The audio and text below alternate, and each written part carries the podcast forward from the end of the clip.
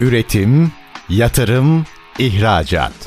Üreten Türkiye'nin radyosu Endüstri Radyo sizin bulunduğunuz her yerde. Endüstri Radyo'yu arabada, bilgisayarda ve cep telefonunuzdan her yerde dinleyebilirsiniz. Endüstri Radyo.com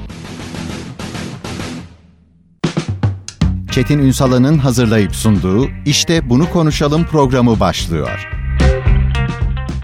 İşte bunu konuşalımdan merhabalar. Türkiye'nin gerçek gündeminde birlikteyiz. Efendim bugün yangın güvenliğini konuşacağız test ve sertifika üçgeni doğrultusunda. Aslında bir bilinç oluşturulması gerekiyor. Zaman zaman burada meseleyi ele alıyoruz, konuşuyoruz uzmanlarla ama işin standartizasyonu, gelişimi nasıl, testleri ne boyutta? Günün sonunda o sertifikaları mesela alıyorsunuz da sertifikaları aldıktan sonra neler yapmak gerekiyor? Bütün bunların hepsini konuşacağız. Kıymetli bir konuğumuz var. Efektis ERA Avrasya Mühendislik ve Kontrol Müdürü Mustafa Salih Korkmaz. Bugün işte bunu konuşalım programın konu. Sayın Korkmaz yayınımıza hoş geldiniz efendim. Hoş bulduk. Teşekkür ederim davetiniz için. Estağfurullah. Şimdi aslında size sormak istediğim çok merak ettiğim şeyler var ama galiba ilk önce işin reel sektör yangın güvenliği ilişkisi açısından bakmak lazım. Ne durumdayız, ne boyuttayız orada? Kademe kademe gelişiyoruz. Ya yani 10 yıl öncesine kadar baktığımızda çok iyileri seviyelere geldik ama gelişmekteyiz. Yani ülkemizde bilincimiz yavaş yavaş artıyor. Diğer ülkelerle, dünyayla, Amerika'yla, Avrupa'yla kıyasladığımızda tabii ki de daha aşağılardayız ama ivmemiz hızlı bir şekilde artıyor diyebilirim. Peki şöyle bir baktığımızda mesela firmalar bu üçgeni nasıl okumak lazım? Yani yangın güvenli test ve sertifika üçgeni desem biraz açar mısınız bize burayı? Tabii ki hatta örnekle örneklemle gidelim. Çok güzel olur. Bir elmas buluyoruz ve çok değerli bir taş. Ee, hemen gidiyoruz birine test ettiriyoruz bu gerçek mi değil mi diye. Sonra hemen sertifikasını sorguluyoruz. Aynı yangın güvenliğinde böyle bir şey aslında. Ciddi maliyetli bir ürün sektör ve kendi yapımızı can sağlığımızı, insanlarımızı korumak için zaten bunları uyguluyoruz. Bu noktada da verdiğimiz paranın ve emeğin de karşılığını almamız gerekiyor. Üreticiler ürünlerini ürettikten sonra yangın performanslarını kanıtlamak için efektis laboratuvarları gibi laboratuvarlara gidiyor. Ürünlerin performanslarını kanıtlıyor. Akabinde sertifika süreçlerinin yürütmeleri gerekiyor. Evet tasdik ettim ben de bu test raporunu belgelendirme kuruluşu olarak tasdik ettim onaylıyorum ve piyasaya arz edebilirsin. Üreticiler de yangın performanslarını kanıtladıkları için kaliteli ürün sattıklarını vaat ettikleri için de arz ediyorlar piyasaya.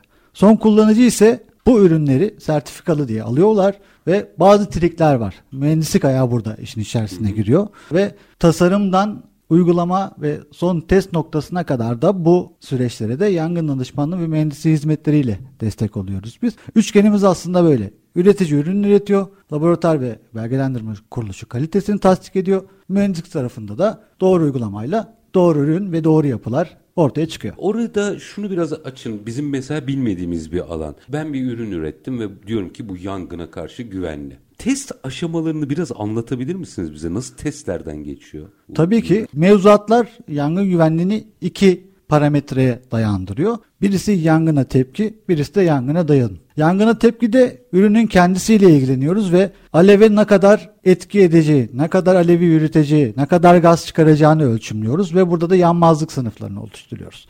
İşte bizim mevzuattan devam edelim. A1 sınıfı hiç yanmaz malzemedir. İşte alüminyum, betoner, beton, alçıpanel bazlı yapılardır ve Aşağı doğru gideriz. F sınıfı da kolay alevlenici malzemelerdir. İşte kağıt, ambalaj, plastik gibi malzemeler de kolay yanıcı malzemelerdir. Bu ilk kriterimiz ve mevzu attığımızda da işte zor alevlenici malzeme kullan diye hükmü verir zaten. Bunu cebimize koyuyoruz. Bir de yangına dayanım kriterini sorguluyoruz. Bina elemanından, yapı elemanından sisteme geçtiğimizde dayanım ortaya çıkıyor. Burada da bazı kriterleri değerlendiriyoruz. E, I, W, R gibi Bunları da kısaca açıklayayım. E bütünlüğü ifade ediyor. Yangın anında ürünün alevi yangın olmayan tarafa geçirip geçirmediğini, bütünlüğünü koruyup korumadığını bak. Bizim sıçrama dediğimiz. Evet, şey. evet aynen öyle. Yani bir bölümden bir bölüme geçiş geçmediğini kontrol ediyor. I yalıtım kriteri ısı transferini ne kadar sıcaklığı taşıdığını işte R yük taşıma kapasitesini, W ışıma kapasitesini ve vesaire vesaire kriterlerle beraber bir süre tanımlanıyor testlerde. İşte 90 dakikaya dayanıklı yangına kapı, dayanıklı kapı diyoruz. 120 dakikaya dayanıklı duvar elemanı diyoruz. Bu da yangına dayanım testleriyle oluşuyor ve bundan sonra da test raporları yayınlanıyor. Niye önemli? Biraz açar mısınız bunu? Çünkü Galiba işin bam teli orada. Herkes bir işin ticari tarafı var. Yani kendini kanıtlama ihtiyacı ama aslında bu testlerden geçip sertifikalandırılmanın ortam güvenliği hatta son kullanıcı açısından çok daha kritik yanları var. Biraz bunu açalım. Bu niye önemli sorusunun yanıtını arayalım. Tabii ki öncelikle can sağlığı. İnsanları korumak, akabinde yatırımımızı, yapımızı korumak, yangın çıktığı anda müdahaleye gelecek itfaiye personellerini korumak, yapımızın ayakta kalması lazım, yangına dayanıklı olması lazım ve söndürmeye yönelik algılama sistemleri ve söndürme sistemleriyle de müdahale imkanını arttırmak. Yani aslında en doğasında merkez noktasında insan var, can sağlığı var. Bu nedenle önemli aslında. Çünkü oturduğumuz rezidanslarda, çalıştığımız fabrikalarda her yerde yangın riski mevcut. Doğru ürün aranıyor mu? Merak ettim. Yani siz kim bilir ne ürünlerle karşılaşıyorsunuz. Şimdi isim vermeyin ama hani böyle vakalar bazında böyle biraz örneklendirirseniz sevinirim. Ben yangına güvenliyim diye yolladığımda çok fena şeyler çıktığı oluyor mu? Tabii ki. O noktada zaten detaylı bir inceleme söz konusu. Biz ne belgeler görüyoruz? Onaylanmış olmayan kuruluşlar tarafından ya da PDF üzerinden oylanmış belgelerle karşı. Yani, tabii ki. sahtecilik tabii bu. ki evet bunlarla da karşılaşabiliyoruz. Bu nedenle zaten ürünün performansı kanıtlaması gerçekten önemli ve bunun da kontrolü de önemli. Siz aynı zamanda şimdi bu hamleyle sadece o yangın güvenliği değil, piyasadaki haksız rekabetin de önüne geçiyorsunuz anladığım kadarıyla. Tabii ki bunu zaten mevzuatlarda yöneltiyor. Yani sen yapını belli şartlarda oluşturmalısın ki ben sana yapı ruhsatı, çalışma ruhsatı vereyim. Mevzuatlarımız hükmü veriyor. Buna bağlı olarak da ürünlerin performanslarını bir şekilde kanıtlamamız gerekiyor testlerle ve belgelendirme kuruluşlarıyla belgelerini vererek. Ve akabinde de bunu doğru imalatla sonlandırmamız gerekiyor. Ki o yaşam alanı, o fabrika faaliyete geçebilsin. O aslında belge olmayan belgeler hali hazırda mesela o firmalar bir şekilde piyasada ürün satabiliyor mu? Tabii ki de bunu satıyor. Burada Bu çok ürkütücü bir şeyden kesinlikle öyle. Burada kontrol ve denetim mekanizması ortaya çıkıyor. İşveren olarak yaptığınız ana işin uzmanı olabilirsiniz. Yangın güvenliği özelinde de per, per, personeliniz de olabilir. Ama belli bir seviyeye kadar bu gerçekleşiyor. İşin uzmanına yönlenmemiz gerekiyor. Aynı avukat müşavirliği gibi aslında yangın danışmanlığı mühendisliği. Bir sözleşme geliyor. Herkes bilmiyor bu hukuki terimleri ve diyoruz ki avukat bey bu da ne yazıyor bana açıklar mısın? Yangın güvenliğinde de böyle bir şey. Yangın danışmanına bu nedir? Bunu almalı mıyım? Bunu uygulamalı mıyım? Doğru mudur? Yanlış mı yapıyoruz? şeklinde bir kültür geliştirmemiz gerekli. Şu danışmanlık boyutunu biraz açmanızı rica edeceğim.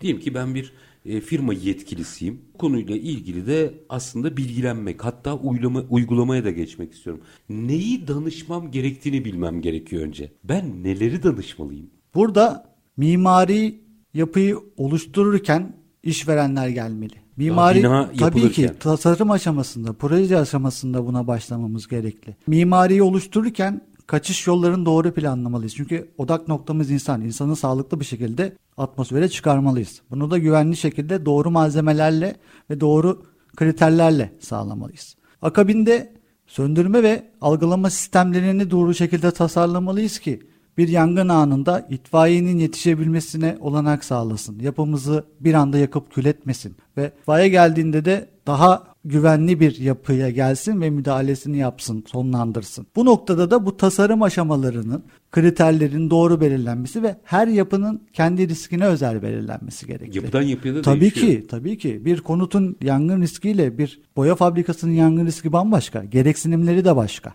Doğru. Bu nedenle kompak halde bakmamız gerekli. Söndürme sistemini yaptım ben güvenliyim diyemeyiz. Ya da algılama sistemim var benim zaten uyaracağım insanları kaçıracağım diyemeyiz. Bunu mimari, mekanik, elektrik bir kombine halde değerlendirmemiz gerekli. Peki mevcut binada mesela nasıl oluyor? Diyelim ki sıfırdan kolay. E, geldim bir danışmanla da birlikte çalıştığımda binamı yangına güvenli halde inşa edip dizayn etmem mümkün. Ama yani gidiyoruz işte sanayi sitelerine şuraya onlarca. Onlar dönüşeyim derken neye dikkat etmesi gerekiyor? Yapı mevcut. Burada yine mevzuatlar da bunu destekliyor ve yardımcı oluyor. Yeni bina, yeni tasarımlardaki talep edilen kriterlerle mevcut yapılar arasında farklar var. Hali hazırda değiştiremeyeceğiniz konular var. O nedenle biraz daha alt gereksinimleri talep ediyor mevzuatlar.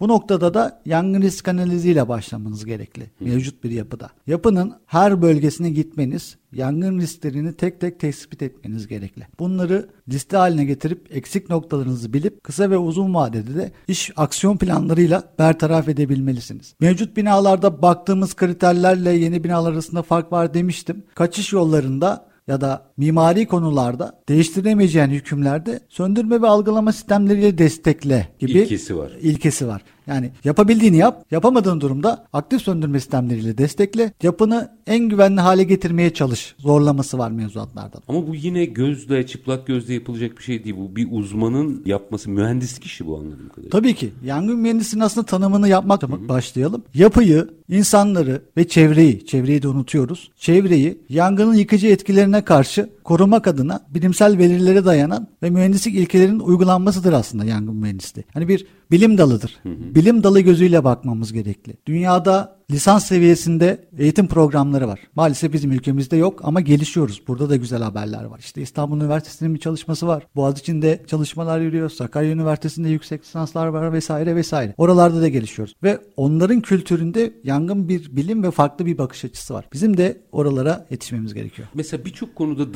danışman kullanmaya yeni yeni eğilim gösteriyor firmalar ama bu konuda danışman kullanmaları gereğiyle ilgili bir bilinç var mı?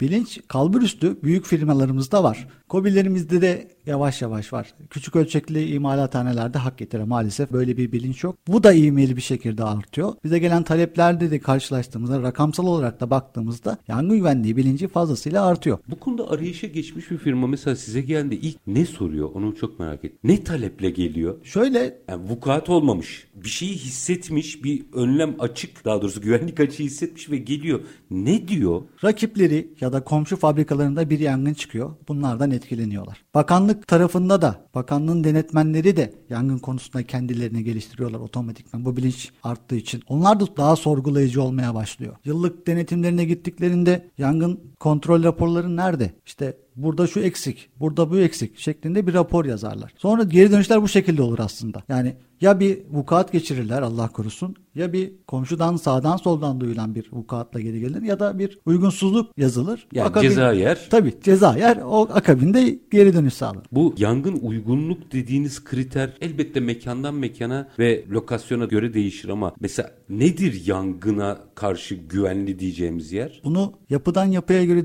değerlendirmemiz gerekir mevzuatlar gereği. Şöyle düşünün yani ana stratejilerimizi anlatayım. Sevinirim. İnsanları güvenli bir şekilde kaçırmak, yapımızın ayakta kalması, yangının bir bölgede oluşsa bile başka bölgelere ulaşmaması, kompartımantasyon dediğimiz o bölümlendirmelerin sağlanması, gerekli söndürme sistemlerinin oluşturulması, insanları erken uyarmak için algılama sistemlerinin olması, yapının boyutuna bağlı olarak kaçış yollarındaki güvenli yapı güvenli konuda kalmak adına duman tahliye sistemlerinin geliştirilmesi ve bunların da periyodik olarak testlerle sürekliliğinin sürdürülebilirliğinin artırılmasıyla aslında yangına güvenli hale gelebiliriz. Bir kere yaptık, iş bitti maalesef olmuyor. Heh, şimdi o o güvenli testlerin periyodik olarak yapılması meselesini biraz e, açalım. Minik bir araya gideceğim ama aranın ardından açalım. Çünkü burada da zaman zaman bu konuyla ilgili uzmanlar geldiğinde çok enteresan şeyler anlattılar dinleyicilerimize bizlere. Yani sistem var ama sistem harekete geçmiyor. Güvenli olsun diye kapalı tutulan kapılar vesaire gibi gibi bir sürü şey var. Onları biraz açmanızı rica edeceğim. Ama minik bir araya gidelim. Aranın ardından Efektix Era Avrasya Mühendislik ve Kontrol Müdürü Mustafa Salih Korkmaz'la yangın güvenliği test sertifika üçgenini konuşmaya devam edeceğiz. Kısa bir ara lütfen bizden ayrılmayın. Üretim, yatırım, ihracat. Üreten Türkiye'nin radyosu Endüstri Radyo sizin bulunduğunuz her yerde. Endüstri Radyo'yu arabada, bilgisayarda ve cep telefonunuzdan her yerde dinleyebilirsiniz. Endüstriradyo.com Kısa bir aranın ardından işte bunu konuşalım da tekrar sizlerle birlikteyiz efendim. Yangın güvenliğini konuşuyoruz. Test ve sertifika boyutlarıyla birlikte konuğumuz Efektis Era Avrasya Mühendislik ve Kontrol Müdürü Mustafa Salih Korkmaz. Şimdi Sayın Korkmaz araya gitmeden önce aslında sistematik kontrolleri de açalım dedik. Çünkü biri bir bilinçle bir yatırım yapıyor. Evet sonra benim bina zaten yangına güvenli deyip çıkıyor. İş öyle değil galiba. Bu işin biraz süreç yönetimini de anlatır mısınız testleriyle, denetimleriyle? Tabii ki güvenli şekilde ya da değil bir şekilde tanımladıktan sonra bu yapıları oluşturduktan sonra bazı şeyleri hiç çalıştırmıyoruz. Mevzuatlar periyodik olarak, haftalık olarak, aylık olarak, 6 aylık, yarım senelik, ay yıllık olarak testleri şart koşar. Zaten arabamızı bakıma götürmemiz gibi bir şeydir bu aslında. Hı hı. Yani çalıştığından emin olmamız gerekir. Yangın pompaları da öyledir. İşte sprinkler sistemi de öyledir. Gidip bunları test etmemiz gerekir periyodik periyodik dönemlerde.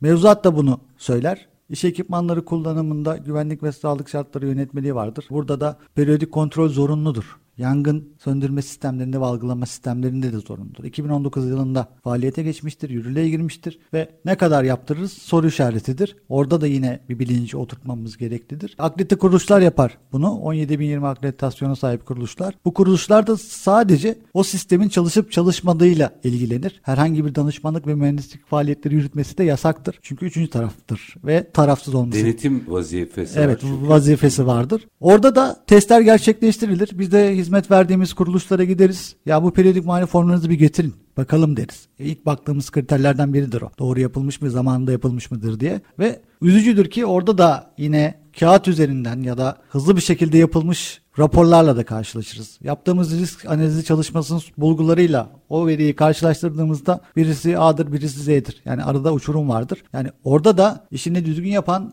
akredite ve kapsamları bizim sistemlerimize uygun firmalarla çalışmamız gereklidir. Orada ürün bazlı, sistem bazlı çalışırlar ve bunların bir de entegrasyon testleri vardır. O noktada da bizler gibi danışman firmalar, mühendislik firmaları görev alır. Elektromekanik sistemlerin yangın anında birbirleri arasında nasıl ilişkili çalıştığının test edilmesidir. Pompa bireysel olarak çalışıyordur. Algılama sistemi bireysel olarak çalışıyordur.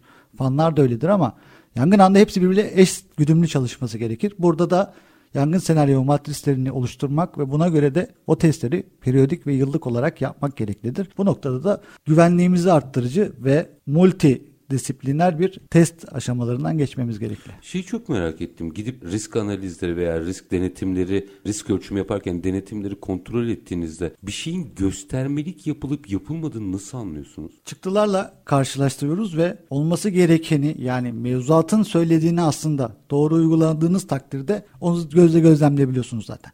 Bir hikaye anlatayım. Bakanlık denetiminden geçmiş bir firma ve periyodik kontrol raporları var. Zamanında yapılmış. Bakanlık denetçisi bakmış ki tozlu, yangın dolabı hiç açılmamış. Siz bunu test ettiğinizden emin misiniz diye bir bulgu yazmış. Yani bu durumdayız aslında. Bazı şeyleri kağıt ta olması için yapıyoruz. Biz de işte yaptığımız faaliyetlerde bunu toparlayacak, daha iyi, sağlıklı hale getirecek faaliyetler yürütüyoruz. Sayın Korkmaz orada bir tespitinizi merak ederim. Yani gittiniz, gerçekten böyle bir şeyle karşılaştınız. O periyodik bakımları veya işte testleri zamanda yapmama gerekçeleri ne oluyor? Yani zaten yatırım yapmışsınız. Niye onun testini, bakımını, denetimini yapmazsınız? Gerekçesini çok merak ediyorum açıkçası. Ya bu dediğim gibi tamamen yangın bilinciyle alakalı. Zaten bir yatırım yapılırken yangın kalemlerinde ya yapmasak mı ya da en optimumu yapsak daha ucuzdan mı kaçsak bakış açısı vardır genelde.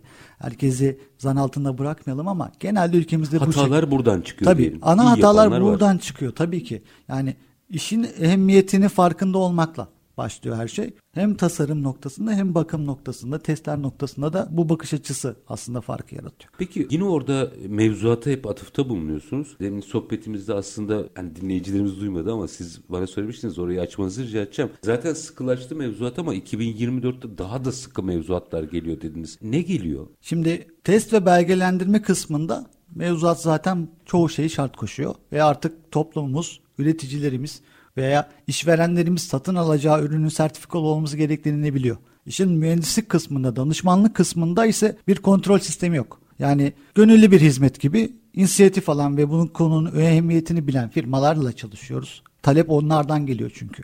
Ama devlet artık buna da bir kriter koydu. Tasarım gözetmenliği adı altında bir oluşum oluşuyor artık. 2024 yılında start veriyoruz buna. Yeni yaptığımız yapılarda kademe kademe riske göre açılıyor. Önce yüksek tehlikeli fabrikalar da başlıyor. Metrekaresi 30 bin metrekareden büyük olan yüksek tehlike grubuna giren boya fabrikası gibi, vernik hmm. fabrikası gibi riskli gruplar. Riskli gruplarla başlıyor. Tasarım gözetmeninden projeleri tasarım esnasında onaylatacaksın ki ben ruhsat vereyim sana. 2025 yılında bunu 51,5 metre üstü yüksekliğe sahip olan konutlar da girecek. Yani bir rezidans yapıyoruz. Tasarımı, tasarım gözetmeni gerekli kriterleri sağlayan tasarım gözetmeni tarafından onaylanmadıkça ben sana oturum izni vermeyeceğim. inşaat izni vermeyeceğim diyor devletimiz. Bu noktada da gelişiyoruz. Yani denetim kısmında da kademe kademe gelişiyoruz. Bu çok kıymetli bir şey yalnız. Yani çünkü inşaat devam etmezse herkes gereğini yapar. İstesin istemesin, bilinçli olsun olmasın. Tasarım gözetmeni kimlerden oluşacak peki? Burada bakanlık belli kriterler ve puanlama skalası koyuyor. Yüksek lisans doktora seviyesi için bir puan, işte bu zamana kadar yapmış olduğunuz faaliyet, mühendislik faaliyetleri için her biri için minimum kriterde bir puan. Meslekte minimum 5 yıl geçirmeniz gerekli. Yangın mühendisliği alanında 5 yıl geçirmeniz gerekli. 5 yıldan sonra her sene için 2 puan veriyor vesaire. Toplamda da 70 puanı yakalamanız gerekli. 5 kriter var. Bu 5 kriteri sağlıyorsunuz ve bakanlığın sistemine kayıt oluyorsunuz.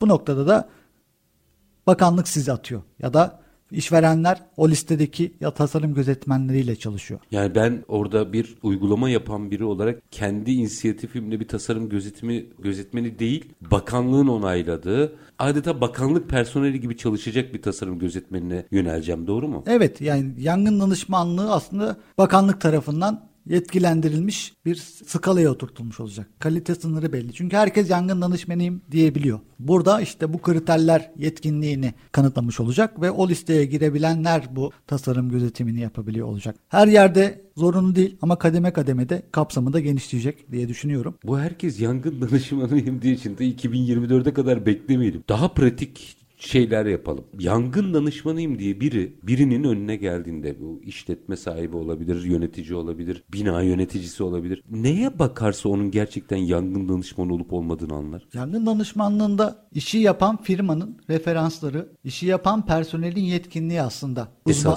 uzmanlığını belirler. Bu noktada da eğitim sertifikaları de uluslararası normlara ait sertifikalar ve sürekli de kendinizi geliştirmeniz gereklidir. KIP olarak da zaten her sene Amerika Ulusal Yangın Derneği'nin eğitimlerine katılırız. EN normlarını güncelleriz. Sürekli bir gelişim halindeyizdir. Mevzuatlar da gelişir. Biz de otomatikmen danışman olarak bunları takip etmek, en doğru bilgiye, en son bilgiye ulaşmak için bunları da takip etmemiz gerekir. Ve bu noktada işveren olarak bakmanız gereken en temel kriter budur. Firmanın geçmişi, bu işi yapan personelin eğitim birikimi. Eğitim birikimi bir de tabii vaka sayısı anladığım kadarıyla. Tabii yani biz, şey e, yangın manasında demiyorum. Yok yok tabii yani biz uygulama. şu an tabii ki yani ben makine mühendisliğinden mezun oldum ve tabii ki derslerim ısı transferi, yanma dinamiği mekanizması vesaire dersleri aldım. Ama işin tekniğini mevzuatı okuyarak ve projeler üzerinde çalışarak öğrendik maalesef. Yani ülkemizde böyle bir bölüm bir bilim dalı olmadığı için bu da tabii ki yaptığınız çalışmaların sayısına bağlı olarak bilgi birikimimizi yükseltiyor. O Amerika'da bahsettiğiniz eğitimi biraz anlatabilir misiniz? Neler anlatılıyor orada? Amerika Ulusal Yangın Derneği 1900'lü yılların başında çalışmaya başlıyor ve bu kuruluşun 300'den fazla farklı standardı var.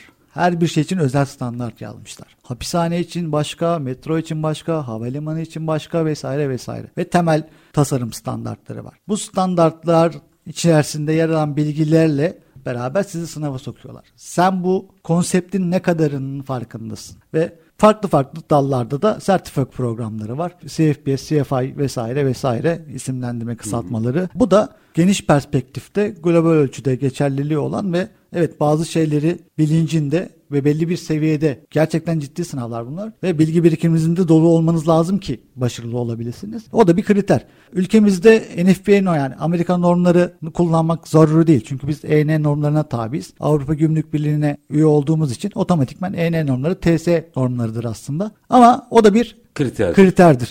Anladığım kadarıyla bizim alacak çok yolumuz var ama yine 2024 mevzuat düzenlemelerinde aktardıklarınızdan anladığım yine bu iş gitgide sıkılaşıyor. Bu işin ciddiyetinin farkına varılmış ve artık zorlama gelecek anladığım kadarıyla. Tabii zorlama otomatikmen geliyor. Mevzuatımız ya ana mevzuatımız zaten binaların yangından korunması hakkında yönetmelik de çok yeni. 2007 yılında yayınlanıyor. Daha 15 yılı var yok. O da gelişmeye ihtiyacı var. Eksikleri var. Maalesef kötü bir olay yaşadıktan sonra biz ona ek maddeler ekliyoruz Geçen sene orman yangınları oldu ve hemen 7-8 madde orman yangınları ile alakalı ve orada termik santralde vardı. Yangın hmm. oraya kadar varmıştı. Endüstriyel orman alanlarına yakın endüstriyel tesislerde ek maddeler geldi. 2015'te Polat Tower yangını oldu. Cephe yangını. Komple yandı cephe. Ve hemen cephe maddeleri geldi. Cephe kriterleri, yangın gereksinimi arttırıcı maddeler geldi. İşte yurt yangını oldu. Orada bir aksiyonlar alındı. Maalesef ülkece dilimiz yandıktan sonra. Vakalara bağlı olarak aslında geliştiriyoruz mevzuatı anladığım kadarıyla. Aynen öyle maalesef. Bunun e, aslında mesela uluslararası normlarda karşılıkları yok mu? Direkt alsak ve uygulasak çok mu ağır gelir bize bilmiyorum. Piyasa e, ekonomik koşullar biraz bunlarla da ilişkili aslında. Yani oradaki satın alma gücüyle doğru orantılı aslında bazı şeyler. Tabii bunları direkt empoze edersek yani satın alacak ürün bulamayabiliriz. Çünkü tüm ürün ya da ilgili ürün ağaçlarında test edilmiş ürün bulamayacağız. Ya o zaman bir dakika Atıyorum. bizim burada çok ders çalışıyoruz. Bu test sonuçlarından bir saptama muhtemelen çok ders çalışmamız gerekiyor o zaman bizim malzeme bazında da burada. Tabii aynen öyle. Yani çok yol kat ettik. Efektis Avrasya'nın Türkiye pazarına giriş yapmasıyla beraber bu malzemeleri de yangın performansı ve testlerin yapılması, bu bilincin artırılmasında önemli katkı sağladığımızı düşünüyorum ve çok da iyi yerlerdeyiz. Yani üretici noktasında yapısal malzemelerde testlerimiz gerçekleşiyor ama her ürün ağacında gerekli mevzuatsal açıdan da bir zorunluluğumuz yok. Yani onları hemen koyduğumuz zaman üreticilerin test yapmaları, belgelendirme süreçlerinin yürümeleri yine bir zaman alması gerekli. Yani kademeli büyümemiz daha sağlıklı olacak diye düşünüyorum. Peki şimdi minik bir araya gideceğim. Merak ettiğim bir husus daha var. Muhtemelen sizler yangın danışmanı olarak gittiğinizde bu konular da gündeme geliyordur. Ben dünyanın en nitelikli malzemesini ürettim testini yaptım, sertifikasını aldım. Bunların uygulama aşamasındaki kişileri yeterince ehliyet sahibime biraz o konuyla ilgili tespitlerinizi de merak ederim açıkçası. Ama minik bir araya gidelim. Aranın ardından işin uygulama boyutuna da bakmak isterim. Efendim Efektis Era Avrasya Mühendislik ve Kontrol Müdürü Mustafa Salih Korkmaz konuğumuz. İşte bunu konuşalım derken yangın güvenliği test sertifika üçgenini mercek altına alıyoruz. Minik bir ara. Aranın ardından devam edeceğiz. Lütfen bizden ayrılmayın. Üretim, yatırım, ihracat. Üreten Türkiye'nin radyosu Endüstri Radyo sizin bulunduğunuz her yerde. Endüstri Radyo'yu arabada, bilgisayarda ve cep telefonunuzdan her yerde dinleyebilirsiniz. Endüstri Radyo.com Kısa bir aranın ardından işte bunu konuşalım demeye devam ediyoruz. Yangın güvenliği test sertifika üçgenini mercek altına alıyoruz. Konumuz Efektis Era Avrasya Mühendislik ve Kontrol Müdürü Mustafa Salih Korkmaz. Şimdi Sayın Korkmaz aslında bütün bunların bir süreç yönetimi olduğu ve sürekli kılınması gerektiğini çok net altını çizdiniz. Oraları birazcık daha açacağım ama araya gitmeden önce sorduğum soruyu biraz e, mercek altına alalım. Bir üretici düşünün yangına güvenli mi malzemesi getiriyor test ettiriyor. Testten geçiyor. Sertifikasını alıyor. Tamam. Piyasaya çıkıyor ve artık diyor ki gönül rahatlığıyla benim ürünüm yangına güvenli. Sonra bir ustanın eline geliyor. Uygulama diyeceğim. Orada yaşadıklarınızı ve tespitlerinizi merak ederim. Tabii ki uygulamaya girmeden hemen ufak bir anekdot paylaşmak istiyorum. Ürün seçimi de çok kritik aslında. Üretici belli şartlarda o performansını sağlar. Bu ürün senin yapına uygun mu? Senin duvar sistemine uygun mu ya baktıktan sonra ürünü seçip imal etmemiz gerekiyor. Yetmiyor yani bir ürünün yangına güvenli olsun. Nerede nasıl kullanıldığı. Tabii yani. ki işte atıyorum kapı üreticisi geliyor laboratuvarımızda gaz betonla testini yaptırıyor. Ama biz sahada alçıpanel duvarla o duvar sistemini planladık ve sertifikalı bildiğimiz, kaliteli olabildiğimiz kapıyı alıyoruz ve direkt monte etmeye çalışıyoruz. Orada yanlış yapmış oluyoruz. Sertifikanın dışında bir imalata yönelmiş oluyoruz. Hmm.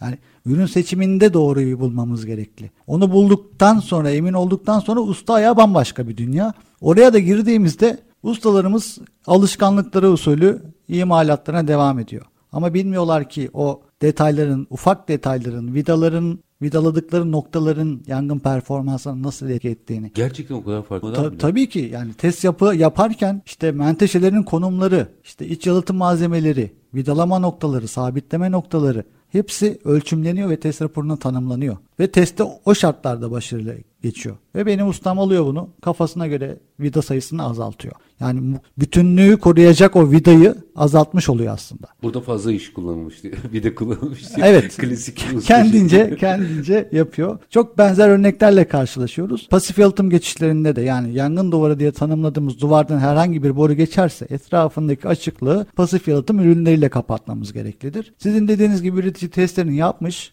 ama testleri belli açıklığı kapatacak şekilde geçmiş.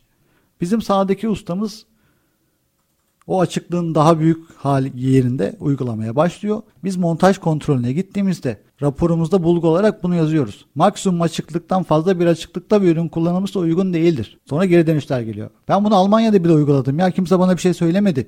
Ben her yer böyle bir her şey? yer merak ettim. Böyle bir şey mümkün mü? Almanya'da uyguladım ve kimse bir şey söylemedi. Çok inandırıcı değil gerçekten. Çünkü bakış açıları bambaşka. Alman ee, sta- ve standarttan bahsediyoruz yani. Aynen öyle. Ve bu şekilde bir argümanla dönüşler alıyoruz. Yani her yerde yaptığınız uygulama doğru uygulama değildir. Ürün bazında ve test raporu bazında bunu değerlendirmeniz gereklidir. Burada da montaj muayenesi işin içerisine giriyor. Tek tek aşamaları kademe kademe bir numunayı beraber yaparak müşterilerle, ustalarla gözlemliyoruz. Eksiklerini sorguluyoruz ve sonra bir rapor oluşturuyoruz. Sizin kontrol mühendisiniz, işverenine diyoruz ki kontrol mühendisiniz bu checklistlere bakarak kabul işlemlerini yapsın. Doğruya yöneltmek verdikleri paranın karşılığını almak aslında buradaki amacımız. Kaliteli ürün aldı hiç problem yok. Üründe hiç problemim yok. Uygulama noktasında o ürünün offsite'e çıkmasına sebep oluyor. İşe yaramıyor yani. Aynen öyle. Ya peki o zaman burada başka bir ihtiyaç gündeme gelmiyor mu? Şimdi sizler yangın danışmanları diyelim, yangın mühendisleri. Anladığım kadarıyla 2024'ten sonra bu işler biraz daha sıkı olacak mevzuatla birlikte ama üretici yani malzemeyi üreteni bir şekilde kontrol altına aldık diyelim. O zaten sürdürülebilirlik için bunu uymak zorunda. Yangın güvenliğini temin etmesi gereken fabrika sahibi yöneticisi vesaire onu da bilinçlendirdik. O zaman bizim burada uygulayıcı ustalara yönelik ne bileyim bir sertifika mı, bir eğitim atağı mı bir şey yapmamız gerekmiyor mu? Kesinlikle gerekiyor. Mesleki yeterlilik belgeleri vardır e, bazı meslek dallarında. E, bunların da arttırılması gerekli aslında. Yangın da içerisine girmeli. İşte su yalıtımcısı yangın yalıtımı yapmamalı. Hı hı. Yangın yalıtımcısı bir mesleği tanımlanmalı ve bunun eğitimleri verilmeli. O ustalar o işi uygulamalı. İşte kabı montajcısı atıyorum ve benzeri örnekleri getirebilirsiniz aklınıza. Burada dediğinizde kesinlikle katılıyorum. Bu bilinci arttırmamız gerekli. Hem uygulayıcılara hem işin mühendislerine hem işin işverenlerine, üreticilere zaten efektif olarak da kendi misyon ediliyoruz bunu. Pek çok webinar, seminer düzenliyoruz. Geçtiğimiz senede bir 7-8 tane bir program yaptık. Yapmaya da devam edeceğiz. Bu bilinci sağlayabilmek adına. Yani uygulayıcıda gol yemek amiyane tabirle okyanusu geçip derede boğulmaya dönüyor. Aynen öyle. Yani bütün standartlar yerine getirilmiş, ürün kaliteli, doğru ürün seçilmiş. Orada yanlış bir uygulama her şeyi mahvedebilir. Kesinlikle. O zaman biraz burada ben bütün bu filmin içerisinde yangın mühendislerinin çok galiba anahtar rol oynadığı kanaatindeyim bilmiyorum. Abarttım mı yanılıyor muyum ama yangın mühendisliğini biraz bizim fazla konuşmamız gerektiği kanaatindeyim. Şimdi burada biraz bunu açalım çünkü burada da farklı farklı e, tanımlamalar var. Her bir yapı tipi için vurgusunun altını çizmekle birlikte bu tip hesaplamalı akışkanlar dinamiği analizleri gibi uzmanlık isteyen yangın güvenlik değerlendirmeleri yapar tanımı var. Bunu biraz açabilir misiniz? Yani evet yangın davranışını incelemeyi anlayabiliyorum. Ama mesela hesaplamalı akışkanlar dinamiği analizi dediğiniz nedir? Burada yapıyı 3 boyutlu modelleyip tasarım esnasında yapıyoruz bunu ya da tasarım yapılmış imalatları yürütürken yapıyoruz bunu. Performans esaslı bir çalışma aslında bu. Yapıyı 3 boyutlu modelledikten sonra yapının içerisinde yangın yüküme göre bir yangın oluşturuyorum. Yangını modelliyorum, simüle ediyorum. Simüle ediyorsun. Yangın çıktığında sıcaklık ne mertebelere ulaşacak, zehirli gaz miktarı ne mertebelere ulaşacak, nasıl hareket edecek o duman, kaçış yollarıma varacak mı, o dumanı tahliye etmesi için planladığım fanlar kapasiteleri yeterli mi? Bunun doğrulamak amaçlı bu simülasyonları yapıyoruz. Kaçış modellemeleri yapıyoruz. Burada da yangın anında kişilerin yürüme hızlarına varana dek tanımladığımız, panik anındaki davranışları tanımladığımız kaçış simülasyonuyla kaçış genişliklerimiz teorik olarak hesapladık. Dedik ki 500 kişi var burada. Çıkmaları için de 2,5 metre yeterlidir. Tamam öyledir teorik olarak ama ama yangın anda bunlar panik yapacaklar. Ani yüklenecekler. Ani yüklenecekler. Kaç dakikada tahliye olacaklar? Güvenli bir şekilde tahliye olacaklar mı? NFPA eğitimlerinde çok sık anlatılır. Bir disko yangınıdır. Orada 38 kişiydi sanırsam hayatını kaybetmiştir. Bu nedenden dolayı kaybetmiştir. Çıkışların yetersizliğinden Yani dolayı. standartlara uygun bir çıkış var ama ani yüklenmede işin rengi kaçıyor. Orada biraz ufak tefek yanlışlıklar da vardı tabii ki. Ama bu yüklenme izdihamdan dolayı vefat edenler de oldu. Bu da çok önemli bir nokta. İşte stadyum gibi, metro gibi yerlerde insan yükünün fazla olduğu yerlerde bu kaçış simülasyonlarıyla teorik olarak hesapladığımız o kaçış yollarının gerçekten nasıl çalıştığını gözlemleyebiliyoruz bu modellemeyle. Duman tahliye sistemlerimizin doğru çalıştığını bu modellemeyle görebiliyoruz. Yapısal yangına dayanama girmedik. Burada da çelik yapımızın ayakta kalıp kalmayacağını tespit etmemize olanak sağlıyor bu. Çökmeye karşı Evet mı? kesin. Yangın Aynen öyle. Çelik mukavemetini kaybediyor sıcaklığa maruz kaldığında. 540 santigrat dereceye ulaştığında mukavemetin %80'ini kaybediyor. Bu nedenle de çökmeler gerçekleşiyor. Mevzuatlar da zaten çelik yapılarda yangına yalıtım malzemeleri uygulanmasını şart koşuyor. Bunlar gerçekten ciddi malzemeler. Atıyorum bir çelik hangarı var. Çelik hangarınız var. Çelik hangarı yapmak atıyorum 5 milyon dolar. Bu pasif yalıtım ürünlerini uygulamak da 2 milyon dolar. Gerçekten pahalı, bazı pahalı malzemeler ve uygulaması da gerçekten zor. Burada biz bu mühendislik çalışmasını yaparak kritik elemanlardaki sıcak mertebelerini buluyoruz. Her elemana işte aynı kalınlıkta ürün uygulama. Kritiklere 5 uygula, kritik olmayanlara 3 uygula. Bu da ne sağlıyor işverene? Maliyet avantajı sağlıyor. Maliyeti düşürmüş oluyoruz bu mühendislik çalışmasıyla. Ve yangın anında nasıl davranış yapacağını, çöküp çökmeyeceğini gözlemlemiş oluyoruz. Bunu Avrupa'da çok sık kullanılıyor çünkü onların mevzuatlarında oturmuş durumda. Ülkemizde ise özel projelerde bu yapılıyor. Hali hazırda metro projelerinde çalışıyoruz. İşte hangar projelerinde, havalimanı, havalimanı projelerinde bunlar gerçekleşiyor. Ama Fransa'daki arkadaşlarımız hastane içinde bu çalışmaları yürütüyor. Çünkü onların mevzuatında var. İşte Fransa'daki, Hollanda'daki ekip arkadaşlarımız tünellerde bunu gerçekleştiriyor. Biz tünellere giriş yaptık. Tünellerde yapıyoruz ama daha geniş ölçekte bu çalışmaların yapılması gerekli. Ya bunların sadece böyle kamu alanlarında değil, fabrikalarda, evlerde, yani konutlarda mesela hepsinde yapılması gerekmez mi? Tabii ki yani performansı zaten doğrulamak amaçlı. Teorik olarak yaptığımız çalışmaların performans esaslarına dayanarak matematik modellemeleriyle, formülleriyle onu simüle etmemiz demek aslında. Yangın olduğunda neyle karşılaşacağımızla yüzleşiyoruz aslında. Ve bunu yaparken tasarım materyallerimizi değiştirmemize de olanak sağlayabilir mesela. Biz yangına dayanıklı olarak planladığımızı varsaydığımız tasarımı o modellemeyle belki başka bir malzemeyle ya da daha uygun, daha az maliyetli bir malzemeyle de yapacağımızı öngörebiliyoruz. Üstad bir şey merak ediyorum. Siz aslında çok kritik ve hayati bir şeyden bahsediyorsunuz. Oradaki bir mimarla, iç mimarla ya da mühendisle oturup bunları konuşabiliyor musunuz? Tabii Ya ki. Ona imkan oluyor mu? Aynı dili konuşacağınıza eminim de. Mesela oradaki kaygısı, estetik bir kaygısı varken bu konuları göz ardı etmesi çok anormal facialara neden olabilir. E, bunlar soruluyor mu sizlere? Tabii. İşin başına zaten direkt mimarlarla çalışmaya başlıyoruz. Onların da kaygıları, mimari estetik kaygıları olabiliyor. Bizim yangın güvenliği kaygılarımız olabiliyor. Ama orta noktada bir şekilde buluşuyoruz. Buluşmakta zorundayız yapımızı güvenli hale getirebilmemiz için. Yine merak ettiğim noktalardan biri. Örneğin yine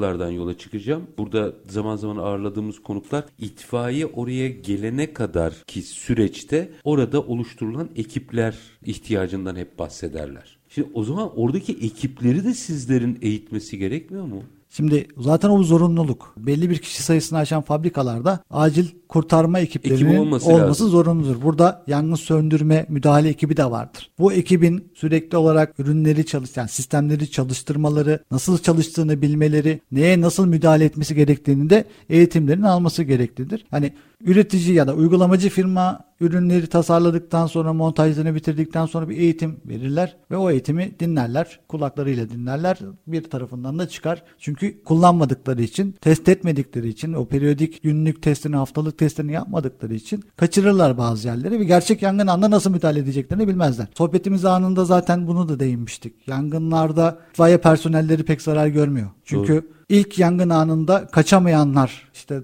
izdihamla yaralananlar, Ya da yanlış müdahale eden yanlış ekip müdahaleyle yangını büyüterek yaralananlardan oluşuyor ve itfaiye personelleri çok cüzi oranlar yangın istatistiklerine baktığımızda. Bu da eğitimin önemini gösteriyor. Neye nasıl müdahale etmemiz gerektiğini. Yani şöyle düşünün videoları da hep görürsünüz. Kızgın yağa su dökmek gibi. gibi. Yani bu çok kritik aslında. Eğitim noktasında da ihtiyaçlara yönelik eğitim modülleri de verebiliyoruz efektif olarak. Sadece sadece firmalar özelinde de değil, kamu kuruluşlarına da bu eğitimleri gerçekleştiriyoruz. Ya şimdi böyle teknoloji çok gelişti işte simülasyonlar, üç boyutlu gözlükler yani VR gözlükler falan. Sanki eğitimlerde bunları daha fazla kullansak daha gerçekçi ve yaşatır hale dönüştürmez miyiz? Evet kesinlikle katılıyorum. Bunu yapan ufak çaplı şeyler var. Bir, yurt dışında görmüştüm bunu. Tır düşünün. İçerisinde simülasyon her şey var. Dediğiniz gibi müdahale imkanını arttırıyor. Yanlış hatırlamıyorsam ilkokul kademesindeki çocuklara bu eğitimleri veriyorlar. Temel yaşta nasıl müdahale edilmesi gerektiği o bilinci ufaktan başlayarak büyütüyorlar. Bu da tabii ki ilerleyen yıllarda toplumsal bilince etki ediyor. Ama lokasyonlarda belki de eğitimlerde bu tip teknolojiler kullanılmalı. Çünkü söylediğiniz çok çarpıcı. Yani o zaten hayat bulmadığı için buradan bu bir kulaktan giriyor bir kulaktan çıkıyor diyorsunuz. Bu çok riskli bir hareket. Belki yaşatmak lazım onu. Tatbikatlar yapıyoruz. İşte bir tane tenekeye hepten işte ya da tahta bir şeyler yakıyoruz. Sonra geliyoruz söndürme tüpüyle müdahale etmeye çalışıyoruz. Eğitimlerimiz ve tatbikatlarımız aslında bundan ibaret. E, maalesef o tatbikatları daha gerçekçi yapabilir miyiz? İmkan olursa tabii ki de yapılabilir. Yerini söylemeyin ama hatırlar mısınız öyle bir görüntü vardır. Tatbikat sırasında kendini yakan biri. Evet yani hatırlıyorum. yani aslında burada ne kadar çok yol almamız gerektiğini de çok net gösteriyor. Şimdi süremizin aslında sonuna geldik ama bir konuyu özellikle sizle konuşup öyle en azından programı tamamlamak isterim. Sertifika meselesi. Sertifikalar önemlidir. Fakat duvara asılmak için değildir. Onun periyodik olarak yaşıyor olması lazım. Bu konuyla ilgili birazcık mesaj rica edeceğim sizden dinleyicilerimize yönelik. Yoksa evet ben bir sertifika aldım duvara da astım. Bitti mi? Tabii ki de bitmiyor. Yangın hayatta o sistemler yangın anda bir kere çalışacak sistemler. Allah korusun hiç de çalışmazlar inşallah. Ama çalıştıkları anda da tasarladığımız o kriterleri sağlayacak şekilde her daim hazır bulunmalılar. Bu çok kritik. Doğru işler yapmalıyız. Doğru ürünle, doğru zamanda, doğru imalatla uygulamalıyız ve bunları da periyodik olarak test etmeliyiz. Eğitimlerle bilincimizi sürekli açık tutmalıyız ve tetikte olmalıyız. Yangının ne zaman geleceğini hiçbir zaman bilemeyiz. Bu test periyotları veya denetim periyotları ideali nedir? Mevzuatlar mevzuatlardan alıntı yapıyoruz. Ee, yıllık 6 aylık her birinin her bir noktada her bir denetimde bazı şeyleri test ediyoruz. Mevzuatlarda var olan haftalık, günlük, haftalık, 3 aylık 6 aylık ve 12 aylık testleri yapmamız yangın sistemlerinin sürdürülebilir olması anlamına geliyor aslında. Yani sizin lokasyonunuz veya binanız hangi kritere uygunsa ihmal etmeden o periyotlarda o denetimlerin, testlerin yapılmasında fayda var. Doğru anladım sanıyorum. Kesinlikle. Çok teşekkür ediyorum. Önemli bir konu, daha çok konuşmamız gereken bir konu. Son bir cümleniz varsa, mesajınız varsa alayım, öyle veda edeyim size. Bizim aslında sunumlarda da vesairede kullandığımız bir cümle söylemek istiyorum. Yangın bir doğal afet değildir. Önlenebilir bir felakettir aslında. Müthiş. Bence herkesin de aklına kazınacak bir cümleyle bitirmiş olduk. Efendim yangın güvenliği test sertifika üçgenini denetimler, malzemeler e, hepsini de kapsayacak bir biçimde Efektis ERA Avrasya Mühendislik ve Kontrol Müdürü Mustafa Salih Korkmaz'la konuştuk. Sayın Korkmaz teşekkür ediyorum. Size ve her zamanki gibi bitiriyorum. Efendim işinizi konuşun, işinizle konuşun. Sonra gelin işte bunu konuşalım. Hoşçakalın efendim.